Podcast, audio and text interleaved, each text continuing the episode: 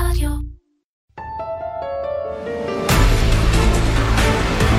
בעין הביקורת. הפודקאסט של משרד מבקר המדינה ונציב תלונות הציבור. מגיש שלמה רז.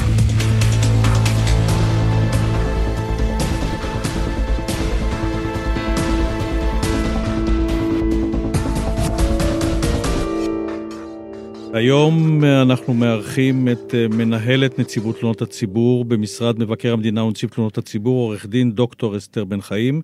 אני לוקח שוב את ההזדמנות כדי קצת אה, להרחיב לגבי עבודת הנציבות במארג הזה של משרד מבקר המדינה ונציב תלונות הציבור. כאמור, מבקר המדינה, יש לו כובע נוסף והוא נציב תלונות הציבור, ובתפקידו זה פועל מתחתיו מנגנון שלם, כ-80 עורכי דין. שמברר את התלונות שמגיעות מהציבור על גופים מבוקרים בדרך כלל, ובראש המנגנון הזה עומדת את, דוקטור עורך דין אסתר בן חיים. שאלה ראשונה, לפני שאנחנו אפילו מרחיבים את היריעה, מיהו חושף שחיתות? אני רוצה לפתוח ולהגיד שאחד מיעדי העל של המשרד שלנו אה, הוא המאבק בשחיתות הציבורית. אה, על מנת שאנחנו נוכל אה, לקבל את המידע בנושא השחיתויות, אנחנו זקוקים לאותו מידע שנמצא בידי העובדים שעובדים באותו גוף ציבורי. אה, ולכן למעשה יש לנו אינטרס ציבורי לעודד את אותם עובדים להאיר את אותן פינות חשוכות, כדי שאנחנו אה, נדע על מעשי השחיתות, ומנגד אנחנו צריכים להבטיח שלא יאונה להם כל רע. לדאבוננו, אותם עובדים שהתריעו על מעשי שחיתות, נתקלים לא פעם במקום העבודה בהתנכלות. אה, ולכן הם פונים לנציבות על מנת שהנציבות תגן עליהם מפני המעשים האלו. צריך רק להבהיר בשלב הזה, זה שהחוק העניק את הסמכות לתת צווי הגנה לחושפי שחיתות למבקר המדינה בתפקידו כנציב תלונות הציבור. נכון. לכן זה חלק לא מבוטל מהעבודה שלכם בנציבות תלונות הציבור. נכון מאוד. יש לנו אגף בנציבות תלונות הציבור שעוסק בנושא של זכויות עובדים, ובין היתר עוסק גם בנושא של חושפי שחיתות.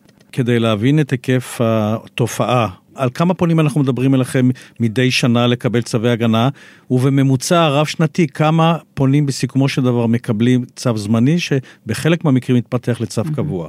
אה, אנחנו מקבלים כמה עשרות אה, תלונות במשך שנה.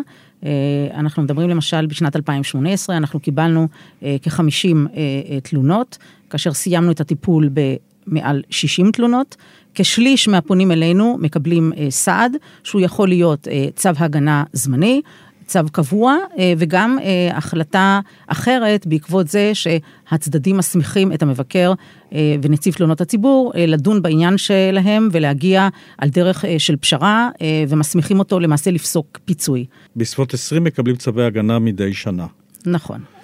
עכשיו אני רוצה לציין גם שלגבי הנושא של צו הגנה זמני, כאן אנחנו באמת פועלים באופן מהיר. אה, בצורה אה, כמה שפחות פורמלית, מאחר ואנחנו רוצים להבטיח שבמידה אה, ועל פניו אנחנו רואים שהתקיימו התנאים הקבועים בחוק למתן צו, לתת מיידי צו הגנה שיגן על העובד החל מאותו רגע, על מנת שלא יעשו דברים שיהיה אחר כך קשה לתקן אותם. והדבר הזה הוא באמת מאוד מאוד מסייע. ואני כן רוצה לציין שעצם מתן הצו איננו בעצם אומר בהכרח שהתלונה מוצדקת, היא רק אומרת שנכון לאותו רגע למעשה לא יהיה שינוי וזכויותיו של אותו עובד לא תיפגענה. אגב, מנגד זה גם אומר שגם העובד הוא לא מקבל זכויות יתר והוא חייב להמשיך בעבודה שלו ולעשות אותה אה, כרגיל. אבל החוק לא מכסה את כל המקרים. יש גופים שונים שאי אפשר לתת צווי הגנה לעובדים שלהם, כיוון שהחוק קבע את זה, ובכל זאת נדמה לי שטיפלתם בעניין ומצאתם איזושהי דרך להגן על אותם עובדים שחשפו שחיתות. נכון, אה, נציב תלונות הציבור, מאחר והוא רואה בחשיבות הרבה של חושפי השחיתות במאבק אה, על השחיתות הציבורית, עושה ככל יכולתו לסייע גם במקרים שבהם החוק למעשה איננו נותן אה, פתרון. וכבר היו מקרים שגם אם דובר אה, בגוף שהוא איננו אה, גוף מבוקר, או לדוגמה אה, בשומר סף שלא מקבל את הגנת החוק, כמו לדוגמה שוטרים, שבמקרה שלהם הנציב איננו יכול לטפל, הוא פנה ואפילו סייע להם להשיג לדוגמה מקום עבודה אחר, במקרים אחרים הוא אפילו סייע בדרכים אחרות על מנת לעשות ככל הניתן לאותם עובדים. האם יש קשר ישיר בין טענה על כך שהיה מעשה שחיתות לבין ממצאי משטרה בסוגיה הזאת. יפה, אני שמחה שאתה שואל את השאלה הזאת, כי אתה מחדד נקודה שהיא מאוד מאוד חשובה. אה, מה שאנחנו בודקים הוא לא את מעשה השחיתות עצמו. אנחנו בודקים האם בעקבות זה שעובד בתום לב סבר, וכאן אנחנו צריכים לראות שאכן היה כאן תום לב, סבר שהיה מעשה שחיתות, על אף שאולי בסופו של דבר זו איננו מעשה שחיתות, אה, עדיין אם הוא סבר שזה היה מעשה שחיתות ובעקבות אותו, אותה חשיפה של המעשה, הוא אה, קיבל התנכלות מצד המעסיק שלו, זה בעצם מה שאנחנו אה, מחפשים. ולכן, גם אם בסופו של דבר לא היה כאן אה, באמת מעשה שחיתות, עדיין, אם יתקיימו התנאים האחרים שקבועים בסעיף, ואני אולי אמנה אותם, קודם כל צריך שזה יהיה עובד שעובד בגוף שהוא גוף מבוקר. דבר שני, שהוא הודיע בתום לב על חשיפת שחיתות. אני רוצה לציין אה, שמבקר המדינה ונציב תלונות הציבור הנוכחי אה, גרם לכך בשנת 2014, שלמעשה הורחבו הגדרת, הגדרות החשיפה, וזה לא רק חשיפה של שחיתות, אלא גם אה, הפרה של, הפרה חמורה של חיקוק, או פגיעה חמורה במנהל תקין. והדבר הנוסף הוא שלמעשה יש קשר סיבתי בין החשיפה, או מה שאותו עובד חשב שהוא חשיפה של שחיתות, לבין מעשה ההתנכלות. ואני רוצה גם אה, לציין שלמעשה מדובר כאן בסמכויות שהן סמכויות אופרטיביות, אה, בניגוד לסמכויות אחרות. זאת אומרת, כאן יש כאן באמת מתן צווים. אה, בנוסף לכך, יש לציין שמדינת ישראל היא אחת המדינות היותר מתקדמות בנושא הזה. כשעושים השוואה אה, בעולם, אנחנו רואים שלא תמיד יש בכלל מוסד שמגן אה, על, על עובדים חושפי שחיתות, וגם אם קיים מוסד כזה, הוא לא בהכרח מוסד שהוא בלתי תלוי ועצמאי, כמו שבעצם בארץ, כך שאנחנו בהחלט מאוד מאוד מתקדמים בנושא הזה.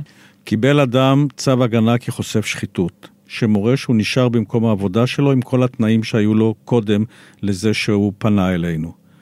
אבל הוא נכנס לחדר האוכל לשבת עם עמיתיו למקום העבודה, והם לא אוהבים את מה שהוא עשה, והם מתנכרים לו.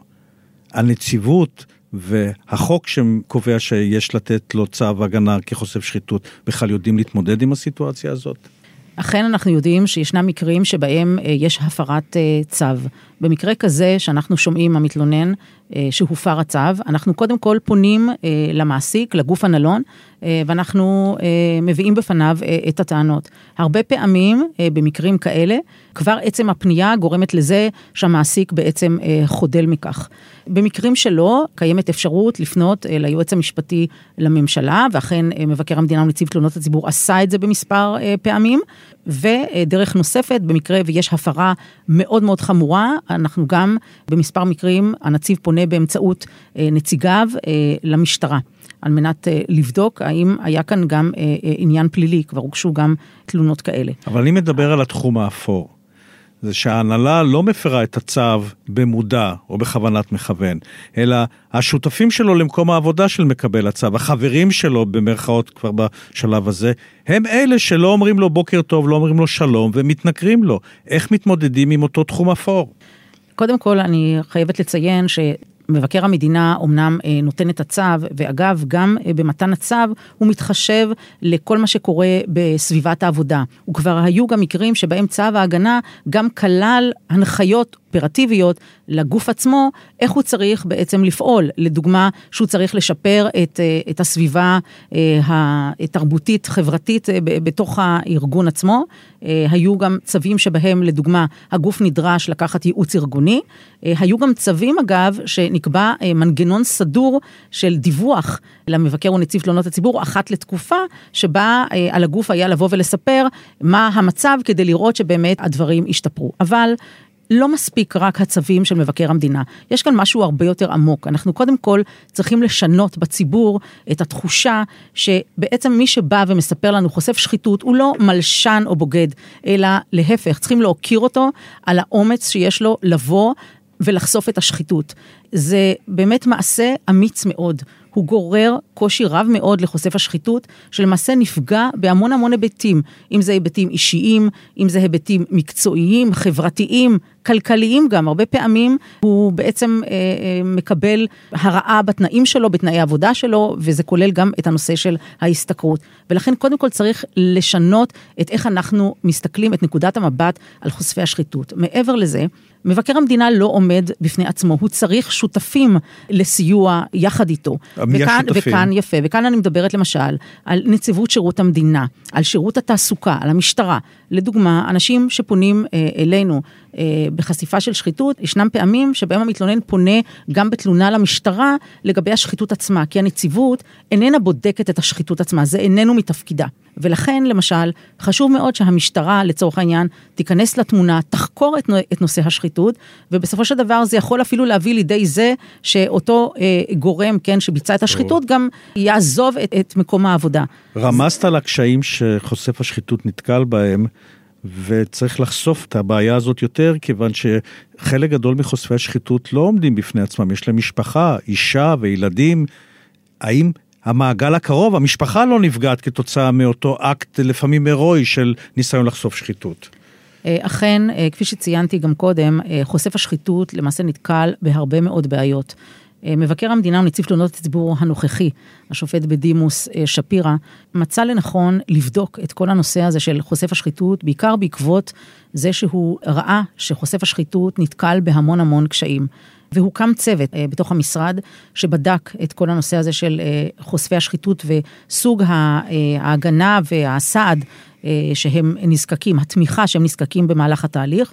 אה, בעקבות ההמלצות של אותו צוות, אף אה, גויסה עובדת סוציאלית שעובדת במשרה מלאה אה, בתוך הנציבות, ותפקידה לתת אה, את אותה אה, מעטפת, את אותה תמיכה, אה, גם לחושף השחיתות וגם לבני המשפחה שלו, כיצד להתמודד. כי הרבה פעמים זה גם בא לידי ביטוי אה, בהיבטים, כפי שאמרת, משפחתיים. אה, לא מעט מחושפי השחיתות מגיעים עד כדי גירושים. הילדים סובלים אה, בבית הספר, ישנם קשיים רבים מאוד בעבודה, אם זה אותן חרמות שהם אה, מקב... זוכים להם מצד אה, עובדים אחרים, אה, ואותה עובדת סוציאלית שמתמקצעת בתחום, אה, בהחלט מאוד עוזרת להם, וכשהעברנו משובים אה, לחושפי השחיתות, הם מאוד מאוד הודו לנו אה, וסברו שיש בזה אה, משהו מאוד מסייע, ושוב, מדובר כאן במשהו תקדימי, אה, שאין לו בעצם אח ורע אה, במקומות אחרים, גם בעולם. ואני גם מזכיר שיש שיתוף פעולה, או קניית ידע נקרא לזה, מהרשות להגנה על עדים, שגם הם מתעסקים אמנם באוכלוסייה הרבה יותר בעייתית, אבל מתעסקים גם כן בהיבטים של המשפחה של אה, אה, אותו עד מוגן, ובכך יש איזשהו דמיון לעבודה שלכם. כן, אני רוצה לציין שבהחלט ישנם מקרים שבהם אה, חושף השחיתות בא אלינו ומספר על כך שהוא חש מאוים, אה, אם הוא או בני משפחתו. אה, במקרה כזה באמת אנחנו פונים. לרשות להגנת עדים, כי אנחנו, אין לנו את הכלים להעריך את המסוכנות, ואין לנו גם את הכלים לתת באמת את ההגנה על חושף השחיתות, אה, ובאמת הרשות נותנת, על פי החוק להגנת עדים, היא נותנת באמת את התמיכה, וניתן לראות בחושף השחיתות כ, אה, כמי שזכאי לקבל אה, כעד מוגן. ויש נושא נוסף שהתפתח בשנים האחרונות, זה מתן פיצויים, ולפעמים מדובר במאות אלפי שקלים לחושף שחיתות. אה, לגבי הנושא של הפיצויים, אכן בשנים האחרונות אה, ניתנים אה, פיצויים מאוד מאוד גבוהים, אנחנו מדברים על מאות אלפי שקלים. אבל כאשר נציב תלונות הציבור החליט לגבי גובה הפיצוי, הוא לוקח בחשבון כמה דברים. קודם כל הוא לוקח בחשבון את נושא אובדן ההכנסות העתידי של אותו עובד. ברור שאם אותו עובד נאלץ בסופו של דבר לעזוב את העבודה, נפגעת פרנסתו. מעבר לכך יש לו הרבה מאוד הוצאות אחרות, בין היתר גם הוצאות לעורך דין. אחד הדברים שבאמת המבקר ונציב תלונות הציבור הפריעו לו מאוד היה שהגופים הנילונים מגיעים עם סיוע משפטי מהשורה הראשונה שעולה הרבה כסף על חשבון הקופה הציבורית ומאידך חושף השחיתות למעשה אין לו את אותה עזרה משפטית. בעקבות הדבר הזה באמת המבקר ונציב תלונות הציבור הביא לידי כך שהיום ניתן לקבל סיוע משפטי גם על ידי משרד המשפטים וזה משהו שמאוד מאוד מקל על אף שהפנייה אלינו למעשה אין, אין צורך בסיוע כן. של עורך דין. אז גם זה נלקח באמת בחשבון בגובה הפיצוי. אבל אם בהטלת הקנסות הכבדים, אה, יש בעצם גם מחשבה על זה שיהיה בזה בכך מימד הרתעתי. בהחלט. אז אה, למעשה יש פה שני מדדים, שני מימדים אם נקרא לזה. מימד אחד זה המימד של העובד עצמו, כפי שאמרנו, שאנחנו רוצים לתת לו אה, באמת כיסוי לכל הנזק שנגרם לו, אגב גם עוגמת נפש וכל יתר ההוצאות שהעלו, אבל מנגד יש פה גם משהו הרתעתי, כפי שאמרת, למעסיק, כדי שבאמת ייזהר לו ולא יבצע מעשים שיש בהם כדי התנכלות. אה, אגב, יש הגורסים אה, שבעקבות אותם פיצויים גבוהים, אנחנו אה, באמת רואים כמות לא גדולה של פונים אלינו, ויכול להיות שזה מה שבעצם מרתיע את המעסיקים מפני מעשי התנכלות. הם חושבים פעמיים לפני שהם מבצעים מעשה כזה. וממש לקראת סיכום צריך להבהיר או להעביר את המסר שלא כל מי שפונה וטוען שהוא חושף שחיתות מיד אוטומטית מקבל צו, נעשית עבודה מאוד יסודית על פי דרישות החוק.